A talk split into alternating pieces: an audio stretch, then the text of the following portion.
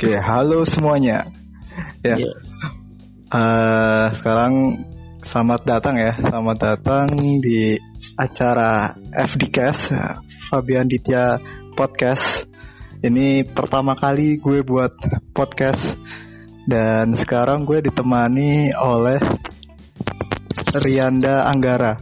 Bener ya? Atau dipanggil AKA Gacil bener ya? Betul, betul, betul. Panggil gacil aja. panggil Gacil aja ya biar lebih enak ya. Ya, ini eh, Gacil ini teman gue dari kuliah. Berapa tahun kita kuliah, Cil? 4 tahun lah ya. 4 tahun lah kurang 4 lebih. tahun. Ya. Dulu masa-masa kezaliman di masa kuliah dia mendampingi, mendampingi gue. Nah, eh sekarang kerja di mana, Cil? Gue kerja di di anak Di Pontianak ya, di Kalimantan ya. di Kalimantan Barat. Rencana kan ibu kota mau pindah ke sana tuh udah mempersiapkan berarti ya. Enggak, jauh Fab. Oh, Ibu jauh kota ya? Kalimantan Timur. Oh iya, gue geografi gue rada-rada. ya, ya, Sering-sering terjadi, sering terjadi, sering. iya. Yang menganggap Kalimantan itu kecil, padahal gede ya. Padahal gede, luasnya Kalimantan Barat aja 1,3 kali Jawa. Kalimantan Barat. Kalimantan Barat doang. Iya. Iya, pantesan mau dipindahin ke sana biar manusianya muat di sana kan. Oke, Cil, gue kemarin tertarik nih, kan uh, sempat ada diskusi nih, Cil, terkait dengan uh, kita perlu uh, mem- membangun salah satunya selain aset yang berbentuk fisik ya, selain tanah, kawan-kawan tuh relasi, ya. Itu menurut lu gimana, Cil? Aset relasi ini, Cil? Gini Fab, gua sejujurnya eh, aset rela aset relasi sebenarnya kan namanya aset itu kan ada dua ya. Satu yang bentuk yang tangi, yang tangible, yang dua yang intangible gitu. Tangible yang berbentuk kayak misalnya rumah, kemudian oke, tek- ah. reksadana dan sebagainya. Mungkin tangible itu yang memang nilainya tuh sebentuk abstrak gitu. Nah menurut gua untuk aset relasi ini sebenarnya dia dua sisi mata uang gitu. Jadi yang pertama orang membangun ini adalah untuk kepentingan kepentingan networking di masa depan gitu. Hmm, ya, ya, ya. Artinya eh, sedangkan sisi kedua ya itu emang mereka pengen seperti itu. Mereka cuma pengen eh spend their money untuk hal yang eh, sifatnya silaturahmi lah dalam tanda kutip gitu. Nah gue gue gue di sisi yang ya kalau gue emang mau bangun mungkin kalau bangun aset relasi yang yang pertama ya itu akan cenderung ke orang-orang yang dia spend money untuk eh, ketemu yang orang-orang yang emang megang megang peran masa sekarang atau di masa depan atau mungkin orang-orang penting dan sebagainya. Hmm, Nah, tapi hmm, di sisi hmm. kedua mungkin banyak lebih ke orang yang yang eh, apa namanya bukan mem- memperluas networking tapi mungkin memperkecil gitu. Dalam arti memperkecil tuh dia ngekip yang ada. Jadi Hmm, kayak hmm. ya, yang memang cuma untuk kayak ketemu keluarga, untuk ketemu ketemu teman-teman lama dan sebagainya dan sebagainya gitu. Nah, itu Oh. ada dua sisi lah sebenarnya kalau kita ngomongin masalah kalau kita mau menyebut itu sebuah aset ya. Aset. Jadi kalau konsep lu sendiri ini lebih eh, karena ingin membangun silaturahmi aja ya, yang gua tangkap nih.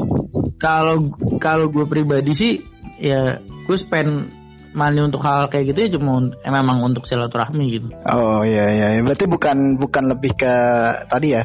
Eh, maksudnya kan kadang dengan kita relasinya lebih luas, mungkin hidup kita akan lebih mudah, iya nggak sih? Nah. Karena dibantu.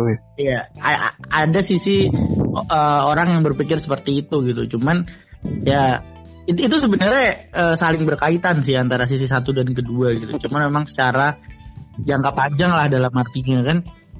Kalau gue sih lebih ke sisi yang kedua. Jadi ya memang untuk silaturahmi aja, untuk keputusan batin aja sebenarnya.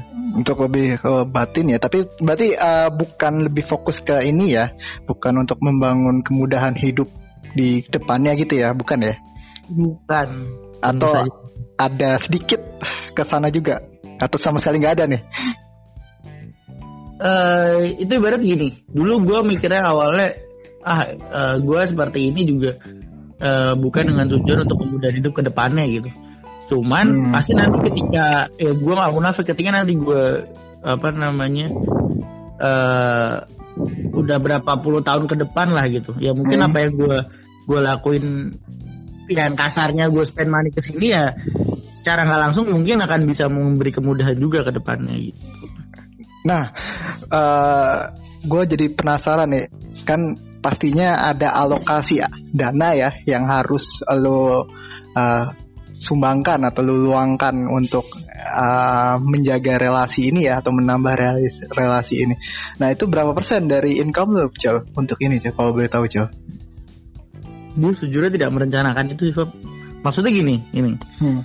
Uh, orang kan uh, secara umum ya, ada orang bikin uh, membuat dua mazhab gitu untuk uh, manajemen pengeluarannya lah. Yang hmm. pertama yang mazhab kalau lu tahu 50 30 20 sama yang satu murni 50 50 aja gitu. Hmm, Oke. Okay. 20 20 kan 50 untuk uh, spending hari hari harian, uh, 20 investasi dan 30 untuk hiburan gitu kan ya. Hmm. Gue dulu waktu awal pernah mau mencoba nge-spend seperti itu gitu. Uh, mencoba mengatur seperti itu. Hmm kan uh, kembali lagi karena uh, gue mengatur apa namanya mengeluarkan uang untuk relasi ini lah untuk silaturahmi dalam tanda kutip tidak menggunakan perencanaan gitu mostly uh, kasarnya gue spend money untuk untuk tiket untuk misalnya ke Jakarta atau ke Bandung atau ke Jogja itu kan sebagian besar untuk kawinan orang kan gitu Hmm, oke. Okay. Dan, dan gue nggak bisa merencanakan kawinan orang di awal tahun. Oh nih segini segini segini segini segini segini gitu. Cuman uh, setelah gue lihat ya uh, untuk uh, un untuk berapa persen ini sebisa mungkin tidak melebihi 50 persen dari pendapatan gue gitu. Untuk total ya. Maksudnya total... dengan, dengan hiburan yang lain dengan dengan okay. semuanya itu tidak lebih dari 50 persen dari pendapatan income, income per bulan apa per tahun nih? Kan beda ya. Kalau per bulan sama per tahun ya. Per tahun per tahun. Oh per tahun ya. Per tahun ya. Berarti per lebih gede nih. berarti lebih gede ya per tahun ya? Iya, kurang lebih lah. Iya. Uh, lima puluh persen ya. Nggak nggak lebih nih. Tapi kan berarti hampir-hampir ya lima puluh persen.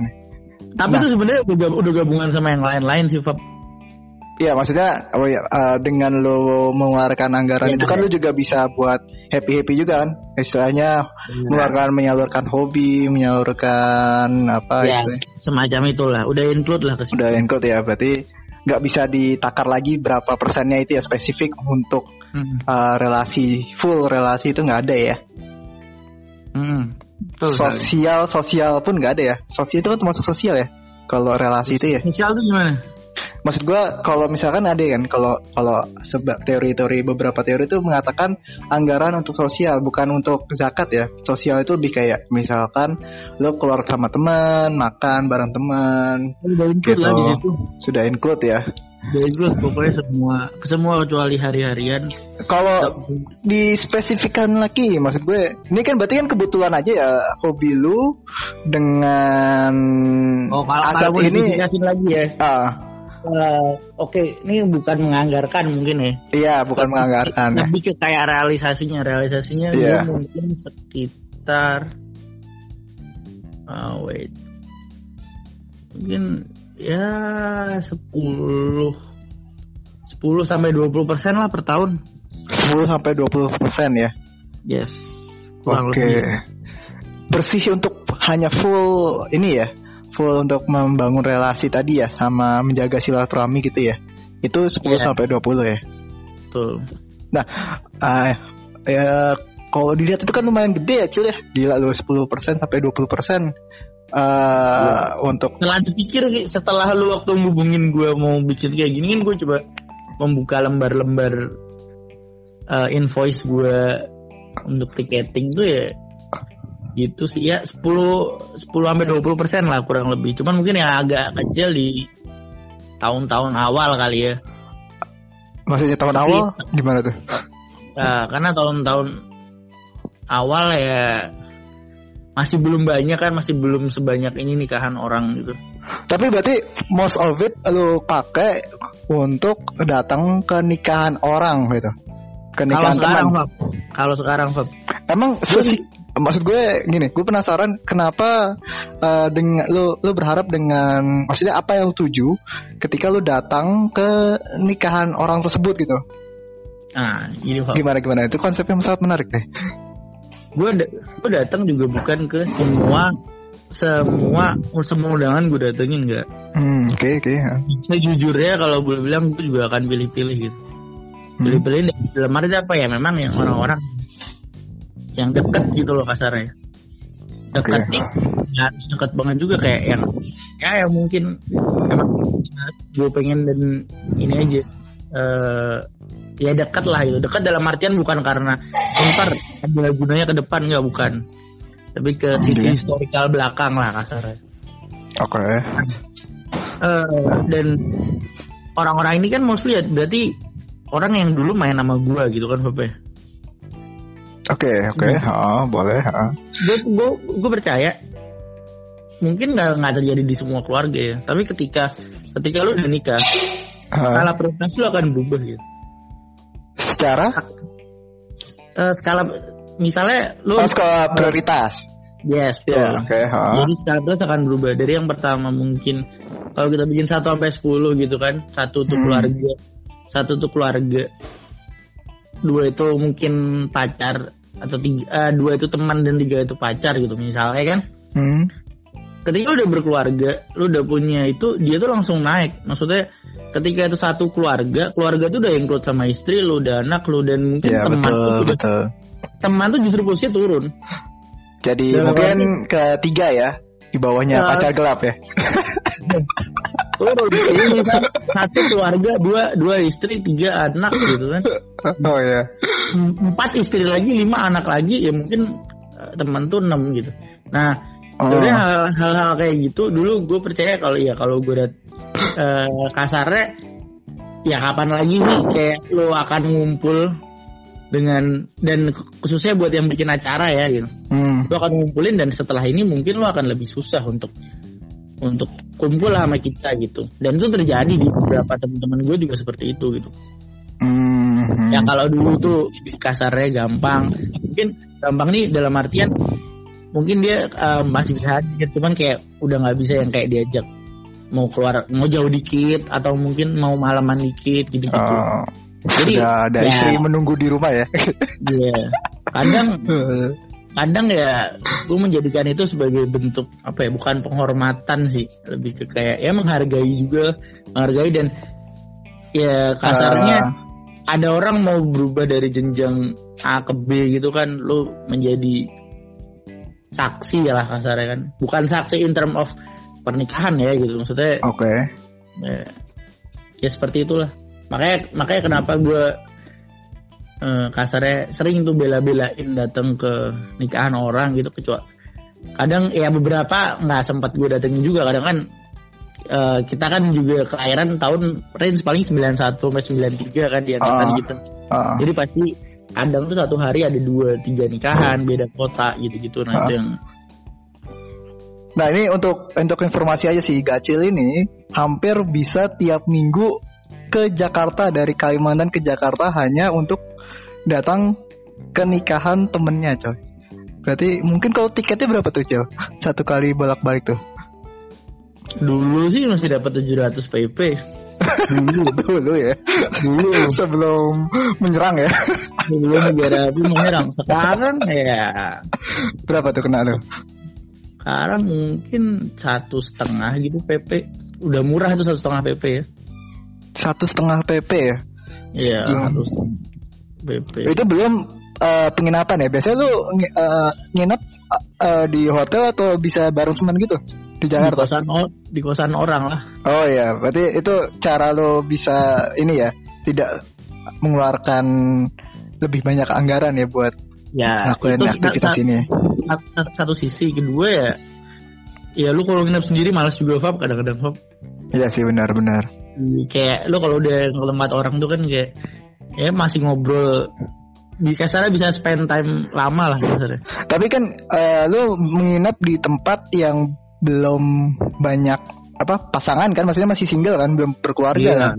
iya lah Nah maksud gue, nah ke depannya nih, ke depannya kan pastinya semuanya bakalan uh, punya keluarga kan masing-masing kan, hmm. kecuali dia homo ya, iya kan? Hmm. Nah, nah, homo pun mungkin bisa ada lelaki gelap yang tahu sih gue. Nah tapi maksud gue, uh, kan berarti ke depannya lo akan mengubah uh, cara lu menjaga relasi ini, menjaga silaturahmi ini atau gimana, Cel? Rencana lu ke depan apa kan metode ini kan masih bisa dipakai karena lu teman-teman lu masih pada baru nikah nih sekarang kan. Satu persatu mulai hilang gitu kan. Satu persatu sudah mempunyai keluarga sendiri. Nah, ke depannya lu apakah akan merubah caranya menyesuaikan dong pastinya ya. Terus untuk menjaga ya tadi silaturahmi yang tadi kan. Ini kan lebih ke pemenuhan ini ya spiritual lu gak sih? Ketemu dengan Yes. temen lu bahagia kan gitu kan. betul sekali nah gini bab lo ibaratnya ketika nanti di akhir ya di akhir di, nah, kalau sekarang kan posisinya kalau ada nikahan orang gue sekalian ngumpul sama anak gitu kan kasarnya kan kalau nanti udah udah nikah semua nih Ya. apa yang terjadi gitu kan maksud lo kalau Ah, misalnya betul. wah gimana gue nge-keep kasarnya nge-keep silaturahmi atau mungkin yang lo sebut aset relasi terhadap Ah. orang-orang kalau gue ber ya kebayangnya gini gue juga baru kebayang sih. Ya mungkin kayak waktu itu juga sempat ada teman gue gitu yang dalam masih dalam satu perkumpulan dia juga lagi luar Jakarta. Dia kadang-kadang nanyain gue gitu kayak kapan nih adain ngumpul ngumpul bareng? gitu kasar ya mungkin kalau Hmm. sekarang durasinya sebulan sekali ngumpul mungkin karena hampir selalu ada nikahan ya ke depannya kalau udah nikah semua mungkin kita bisa bikin yang kayak mungkin tiga bulan sekali atau enam bulan sekali kita ngumpul gitu. Bersama Ini keluarga tuh atau sendiri-sendiri tuh. Konsep lu. Ya, itu itu kesepakatan bersama sih sebenarnya. Gitu. Iya sih. Karena kan Ya. ya ada ada beberapa hal yang akan lebih kalau kita bawa keluarga itu sisi positifnya adalah ya ya jadi keluarga antar kita antar dalam satu pertemanan tuh akan saling mengenal gitu. Cuman eh, ketika lu nggak bawa pasti akan lebih lepas gitu pak. Gue yakin Ya. lah gitu. Bukan bermaksud untuk merahasiakan sesuatu ya ke, ke mungkin ke calon istri gue atau mungkin juga dari teman gue ke istrinya gitu. Cuman kan ya tau gak sih ojek tuh kayak selalu eh, selalu berfungsi dengan baik. Nah, yang itu kadang-kadang batasan yang memang nggak bisa nggak bisa kalau keluarga tahu lah kasarnya gitu. Iya iya iya paham paham paham. Tapi kan lu sendiri kan paham kan dengan setelah lo ntar berkeluarga itu kan kata lu sendiri kan akan susah tuh. Mungkin Yes. kumpul tiga bulan apalagi kalau tanpa membawa keluarga ya pasti susah juga ya nggak sih? parah. Nah, eh, itu gimana tuh? lu? Apa? Ya, wal- ini wal- walaupun dia walaupun dia eh kasarnya walaupun calon gue bilang ya sebenarnya lu terserah juga mau akan bebas eh, mau ke Jakarta mau gimana ya monggo gitu cuman ya kalau gue gue justru nanti pasti akan membatasi diri sendiri gitu gue pasti yang nanti akan ya karena skala prioritas sudah udah berubah kan ya masa ibaratnya kalau gue udah nikah istri gue di rumah terus gue tinggal main ke Jakarta gitu Hmm, oke oke. Iya, oke. nggak nggak nggak akan sesering sesering itu juga. Iya Kayak- iya ya, iya. Makanya makanya itu yang tadi bilang ya. Ya bagus direncanain. Oh besok nih, udahlah kita ngumpul nih sekalian ada apa gitu. Hmm, hmm. Nah, balik lagi nih ke konsep awal ya. Tadi kan gua pikir eh, lu mempunyai pandangan mengenai ada tadi ya intangible ya. Tangible dan intangible tadi ya. Ada aset ya. aset relasi tadi. Ya. Nah, eh kalau lu sendiri pandangan lu tentang aset relasi ini gimana aja? Maksud gue kan awalnya tadi gue kira eh, lu full memang ada paling tidak eh, fokus untuk ya berpikir bahwa ini penting nih eh, membangun relasi gitu yang akan sangat bermanfaat ke depannya bagi hidup gue. Karena nanti akan lebih mudah. Kalau misalnya butuh sesuatu tinggal katakanlah calling si A gitu kan. Butuh Ya. sesuatu calling B gitu. Nah ini gimana nih? Ini Pak, eh, itu mungkin balik ke konsep awal kita uh, hubungan antar manusia ya atau mungkin berteman itu ada orang yang berteman dengan orang karena posisinya gitu. Berarti misal lu lah. Lu dulu apa Pak? ketua provisio ya? Ketua provisio ya ya ya. Masih inget aja. Ketua okay. jadi ini ada orang yang berteman karena ke Fabian karena dia sudah jadi ketua provisio gitu mungkin uh. ada orang yang mau berteman dengan A karena dia sudah jadi ketua BEM gitu dan okay. sebagainya tapi ada beberapa orang yang yang uh, berteman sama lu ya memang karena lu gitu karena Fabian Hmm, ya betul sih, betul betul benar. Benar benar. kayak, kayak ya seperti itu gitu dan ada orang yang mendapatkan teman atau relasi karena gini uh, lu apa namanya mendapatkan ada teman yang lu dapat lu sebagai ketua provisio dan ada teman yang lu dapat uh, yang memang karena ya teman-teman lu gitu. Nah, gue tidak menyalahkan di dua sisi pertemanan ini gitu karena sebenarnya gue melihat ya itu jalan-jalan aja gitu maksudnya itu berjalan dengan segitunya aja jadi uh, gue nggak pernah menyalahkan orang yang emang mau ngekip atau mungkin memperlebar network atau mungkin networking orang-orang yang emang dia rasa akan mempermudah hidupnya gitu. Hmm. gue tidak mau menyala menyalahkan ke orang-orang kayak gitu karena itu juga akan berguna ke depannya. Dan nggak semua orang mikir kayak oh, gue emang harus berteman Fabian karena karena Fabian gitu. Gue berteman sama Fabian ya karena uh dia nih calon bos PLN nih ntar kalau udah kalau udah jadi direksi gampang nih. PLN tuh perusahaan apa ya cuy hmm, perusahaan oh iya iya benar benar kalau misalnya emang kontekstual adalah ke aset relation itu hmm. memang menjadikan menjadikan apa namanya uh, lo ngerti hubungan cuma dengan orang-orang nah, yang jadi yang jadi concern gue adalah orang kayak gitu tapi dia cuma tapi nggak bisa makan juga sih ibaratnya yang cuma ke orang-orang yang emang dia rasa berguna gitu loh. Ya. Yeah. ya. Berarti menurut tuh yang, yang yang hubungannya hmm. seperti ini maksudnya yang misalkan didasari oleh uh, jabatan atau posisi atau sesuatu ya bukan dari dirinya sendiri itu nggak akan long lasting gitu ya menurut lo? Bisa long lasting juga. Bisa long lasting juga. Karena kan gini lo kemauan orang-orang kan uh, beda ya kasarnya. Lo mencari mencari hubungan apa namanya kasarnya manfaat dengan orang-orang tuh beda lah kasarnya. Jadi uh, mungkin aja kan ada dua mutual concern yang sama kan? Hmm. jadi ya tetap tetap akan tetap akan tetap akan ada kemungkinan berlangsung gitu.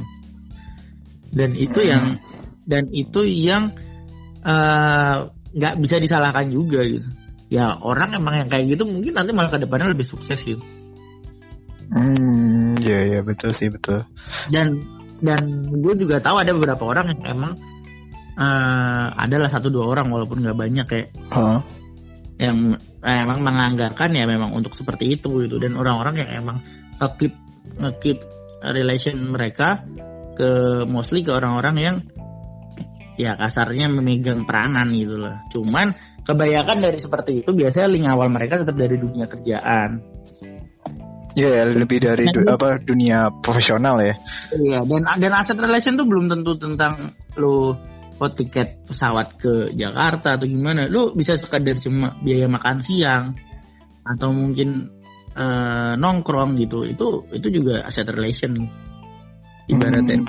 cuman ada concern yang pertama yang memang fix dengan hubungan yang lama yang dua memperlebar network ya kan kita nggak tahu hati manusia lah ya gitu hmm.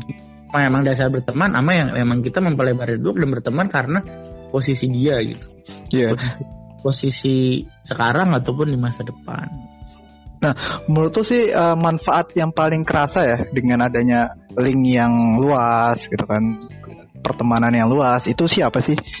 Misalkan katakanlah ya, kalau gua sih sendiri sih, mungkin ketika katakanlah, eh uh, tiba-tiba gue butuh uh, orang ngedit video nih kan, terus, oh ya gue punya tuh kenalan teman di LFM, LFM tuh ini ya, Liga Film Mahasiswa tuh dulu di TP yeah. kan. Nah, itu dia punya link lagi ternyata uh, yang jago ngaudit uh, video dari net gitu katakanlah. Wah akhirnya gue dengan punya kenalan itu punya tambahan kenalan lagi kan. Ada bisa tuh gue uh, masalah gue tersolusikan. Gitu. Iya gak sih? Kayak gitu gak sih? Iya yeah, kurang lebih sih Bob. Nah kalau menurut sini gimana? Cuman gini, uh, gue dari gue di sisi orang yang berpendapat bahwa ketika lo udah masuk ke dunia kerja seperti ini ya gitu kan. Hmm. kayak ketika lo minta tolong untuk orang untuk ibadah desain edit video gitu kan hmm. cuma minta minta tolong dalam tanda kutip itu menurut gue itu tidak ti, tidak etis sih gitu. Iya iya pasti Maksudnya, pasti. lo lo ngerti kan maksud gue kan? Kayak, oh, kayak udah ada orang yang emang mengeluarkan jasa iya mengeluarkan jasa seperti itu gitu Ah, betul betul. Jadi yang ter, uh, mungkin kita akan dapat kemudahan dari sisi mendapatkan ch channelingnya saja lah. Iya betul ya. betul channeling. Kayak, oh lu dapat, oh lu nggak mau ribet-ribet pakai ini ya udah lu minta orang. Tapi tapi meskipun lu misalkan minta bantuan sama temen lu, lu juga nggak mungkin kan minta gratis kan? Apa bisa cel? Katakanlah karena bukan karena profesional ya, bukan profesional terus lu ada temen lu nih udah kenal lama kan? Terus terus dia uh, apa misalkan ya tadi jago ngedit video terus eh bisa nggak lu minta tolong dong ngeditin video nikahan gue? Gitu. Kan nggak mungkin lu tanpa nggak mungkin lah. Ya berarti kan nggak ada bedanya dong cil kayak gitu gitu iya gak sih? Antara teman dan profesional. Karena memang ujung-ujungnya tetap kita harus secara profesional iya gak sih Cuma hmm, mungkin yeah. lebih ke harganya kali ya. Costnya akan lebih murah. Mungkin ya, gue nggak tahu juga sih. Kalau kalau gue sih sebenarnya sekarang meminimalisir kalau minta tolong hal-hal yang kayak gitu ke teman-teman ya. Maksudnya dalam arti ya udah ada orang menyediakan jasa kayak gitu gitu. Kecuali memang yang yang sifatnya memang kita project bareng-bareng gitu misalnya Pak. Hmm. Misalnya kayak kema kayak berapa dua tahun lalu lah kita ngadain acara di kampus gitu. Terus uh, kita butuh orang buat desain baju asal buat dijual. Ya. Otomatis minta tolong yang orang di kepanitiaan itu kan yang bisa baju lah kasarnya kan gitu. Hmm, hmm. atau uh, mungkin kita butuh desain apa namanya waktu itu desain apa waktu itu kayak kita bikin kayak piagam sabuk desain gitu. Hmm. ya gue minta tolongnya ke orang-orang yang ya memang dalam kelompok itu gitu Nah, kenapa gitu? Karena kan ya namanya dunia kayak gini kan udah bukan dunia apa ya kasarnya ya? Dunia uh, gue gue bilang sekarang kita masuk ke dunia yang profesional kasar. Ada hmm. orang menyediain jasa, menyediain jasa kayak gitu ya kenapa nggak kita tempatin? Kenapa kita harus kasarnya minta merebutkan orang yang mungkin kerjaan mereka bukan di situ gitu kecuali kecuali emang ada yang orang dengan sukarela lah kasar. Emang hobi. Terus kita melakukan hobi kayak gitu gitu. Oh. Iya iya iya. Ya kayak gitulah. Dan ya kalau gue sih kan cenderung uh, apa ya hal-hal yang tadi lu tanyakan juga menurut gue yang kayak misalnya ngedit video dan sebagainya gue sih gue lebih prefer ke orang yang memang udah profesional. Oh bukan. Ini contohnya misalkan temen lu ada yang profesional juga di bidang itu kan? Terus kebetulan oh, karena iya. teman. Oh iya. ya, profesional iya. Betul. nah tapi kan tetap lu nggak mungkin kan minta dia eh gratisin dong kan kita teman. Kan nggak mungkin gitu kan? Apa enggak lah nggak nggak mungkin lah. Nah maksud gue Marti, apa kalau lu profesional ibaratnya gini kok lo buka apa? Dulu kok yang di DU kok. Uh, kimochi kimochi. Kimochi. Oh lu masih ceritanya mochi es krim lu buka lu buka kimochi kan nama batin gitu uh, iya. Gue juga kalau ke sana gue nggak minta eh Fab ini lah gratisin tester gitu. Ah. Uh, apa namanya kan kan nggak mungkin. Jadi malah bentuk penghargaan gue adalah ya gue ngebeli ngebeli itu gitu loh kasarnya. Oke. Okay, jadi uh. jadi nggak nggak ada lah namanya harga, harga temen tuh berarti kalau gue sih ya, bilang kalau temen ya malah harusnya nge-support ya. iya nggak sih? Iya. nge-support ngehargain gitu. Iya, iya. sih tapi berarti kan uh, kemudahan tadi relasi lebih ke apa dong cil jatuhnya cil? Kalau ya teman juga kan nggak enak juga dong kita minta gratis juga kan? Gak, iya. atau mungkin bisa sih harga teman mungkin ya bisa lebih murah atau apa karena kenalan deket gitu kan bisa juga sih. Nah gini bang. Masalahnya di sini lo mau mengkuanti apa mengkuantifikasi atau mungkin mengkuantisasi gue nggak tahu term yang bener apa dari sesuatu yang sifatnya sebenarnya kualitatif kan? Ya. Yeah. dalam ya nah ya itu yang sebenarnya uh, ibaratnya apa ya? Kalau gue merasakan ini ya cuma untuk kebutuhan diri gue aja gitu. Dalam arti ya uh, apa ya kebutuhan yang tadi lu bilang kebutuhan spiritual lu. Dan ada beberapa beberapa orang yang menggunakan uh, meng, kalau tadi kita ngomongin aset relation ya. Hmm. ada orang yang mungkin menggunakan itu bukan kasarnya ke hal-hal yang uh, apa ya hal-hal yang kayak digratisin makan bla bukan. Mungkin lebih ke kayak yang kayak network networking lah. Kayak kayak hmm. network bisnis misalnya oh gue berteman sama si A B oh si A nih uh, posisinya di perusahaan ini gitu. Oh posisinya posisinya cukup tinggi nih gitu. Jadi ibaratnya gue nggak perlu bu, bukan bukan in term of KKN ya tapi sebenarnya. Jadi kayak le, le, uh, lebih ke misalnya oh gue bisa belajar banyak nih dari sini. Tapi sebenarnya kan KKN nggak salah juga cil kalau di perusahaan swasta cil. Iya gitu wah gue kalau salah tuh kalau di perusahaan pemerintahan karena itu kan sosial ya. Semuanya punya posisi yang sama tapi kalau swasta kan enggak iya nggak sih? Kalau menurut gue ya hmm, no comment deh pak Pak. katakanlah kayak gini ya maksud gue ya misalkan lu punya kenalan nih uh, di di road bank swasta katakanlah terus lu bilang nih kan karena lu punya link itu lu langsung dengan mudahnya dapat pinjaman pinjaman sekian gitu kan buat bisnis lu katakanlah tapi beda, misalkan lu ngikutin dengan prosedurnya mungkin akan lebih susah. Iya gak sih? Iya, tapi kalau gue bilang itu sih itu tetap salah sih menurut gue. Dalam arti gini, dalam arti kayak gitu mungkin cuma permudah, tapi lo tetap harus sesuai prosedur gitu.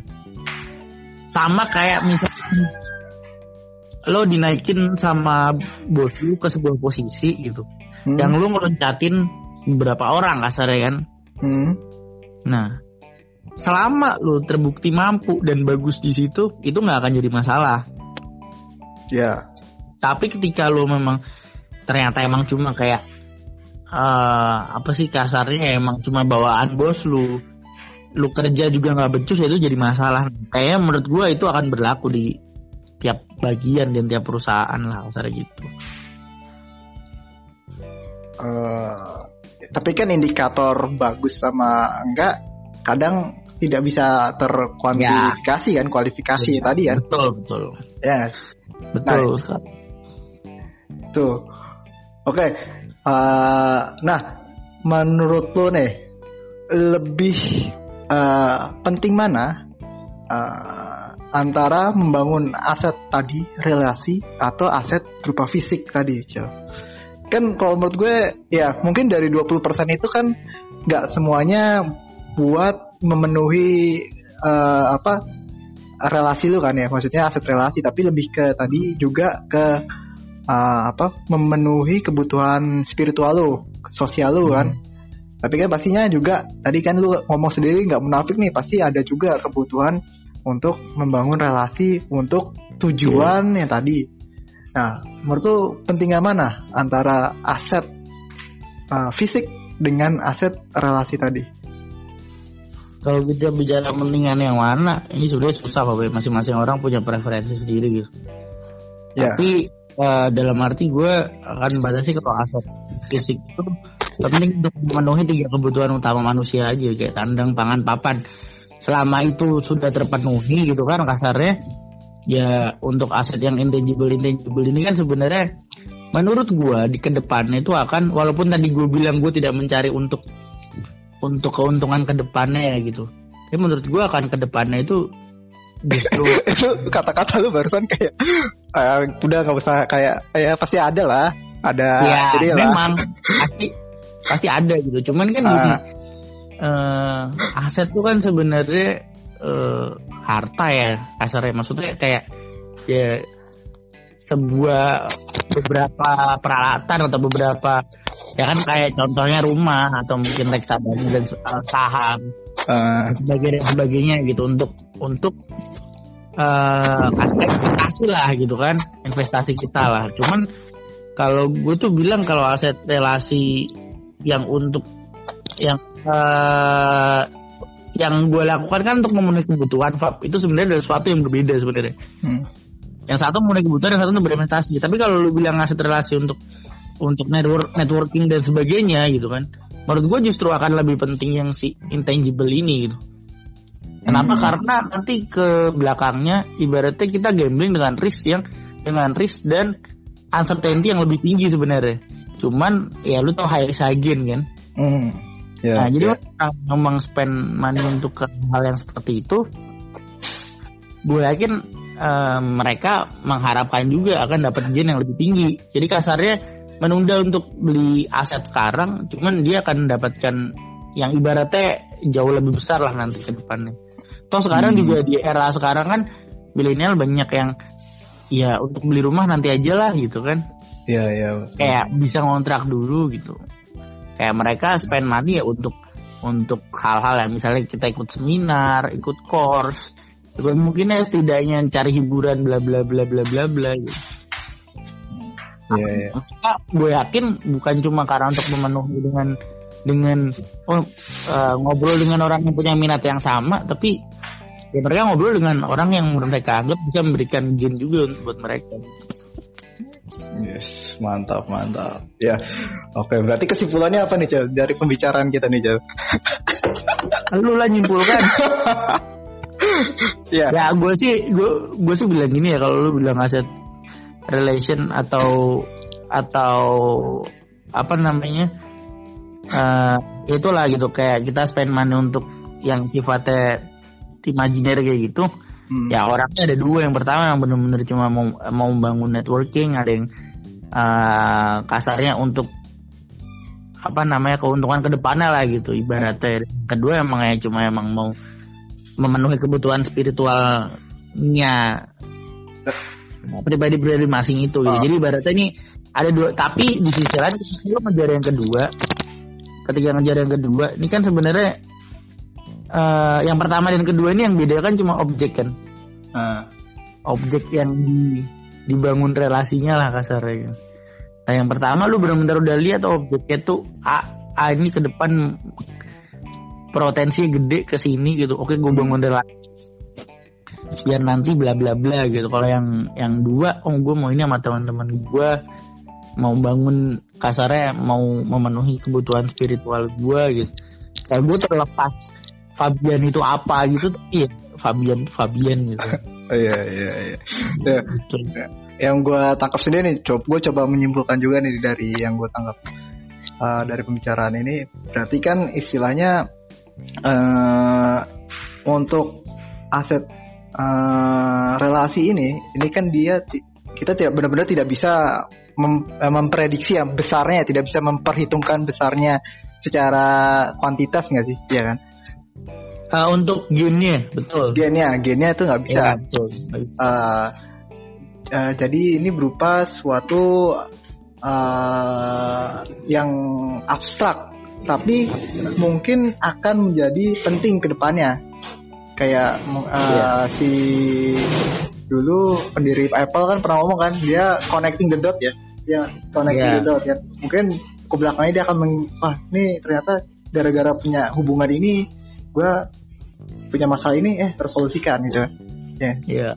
Semacam itu. Uh, terus eh, lebih lebih baiknya untuk aset relasi ini adalah untuk lebih eh, tujuannya untuk memenuhi spiritual dulu nggak sih sehingga lo nggak akan merasa rugi kalau lo fokusnya untuk mencari eh, gainnya itu yang susah ya. Kan nggak bisa kita Ya, kualifikasikan makanya lebih baik fokusnya itu adalah untuk memenuhi spiritual kita aja dulu iya nggak sih? Iya. Kalau dibanding- menurut hasil pembicaraan kita seperti itu. ya dibandingkan nanti kita terlalu fokus terhadap gamenya akhirnya malah stres sendiri wah membandingkan kenapa nggak kita ngalokasikan anggaran ini buat investasi yang lainnya padahal itu nggak bisa ditakar seperti itu ya sih Iya. gila nih per- pembicaraan pagi kita nih berat banget padahal lagi hari libur ya ya Pan, oke bentar Cel. lagi siaga nih Bob. siaga lagi siaga lagi lu siaga mulu belum punya keluarga lu siaga anak bar oke Cil makasih banget Cil atas bicaraan mungkin eh, mungkin terakhir Bob gue mau Eh. pesan Iya, iya. orang-orang. Eh, jadi uang uang itu sebenarnya cuma angka. iya betul betul Baga- bagaimana lu menghabiskannya itu akan menjadi nilai. Itu aja sih. Asik, kata-kata penutup yang sangat super sekali nih dari Mas Gacel. Makasih banget Cel. Ini buat pelajaran buat kita semua. Tadi kata-katanya gimana Cel? Uang Uang itu, itu, cuma hanya angka, uang itu hanya angka. hanya ketika angka. lu hmm, ket- ketika lu eh, bagaimana lu membelanjakannya itu akan menjadi nilai. Eh, siap, kata-kata bijak dari Gacel. Oke, sekali lagi terima kasih Cel. Eh, Iya. nanti datang lagi ya ke podcast gue ya. Kita Iya. bahas yang lain. Atur ya, atur. Oke, siap. Oke. Assalamualaikum warahmatullahi wabarakatuh. Waalaikumsalam warahmatullahi wabarakatuh.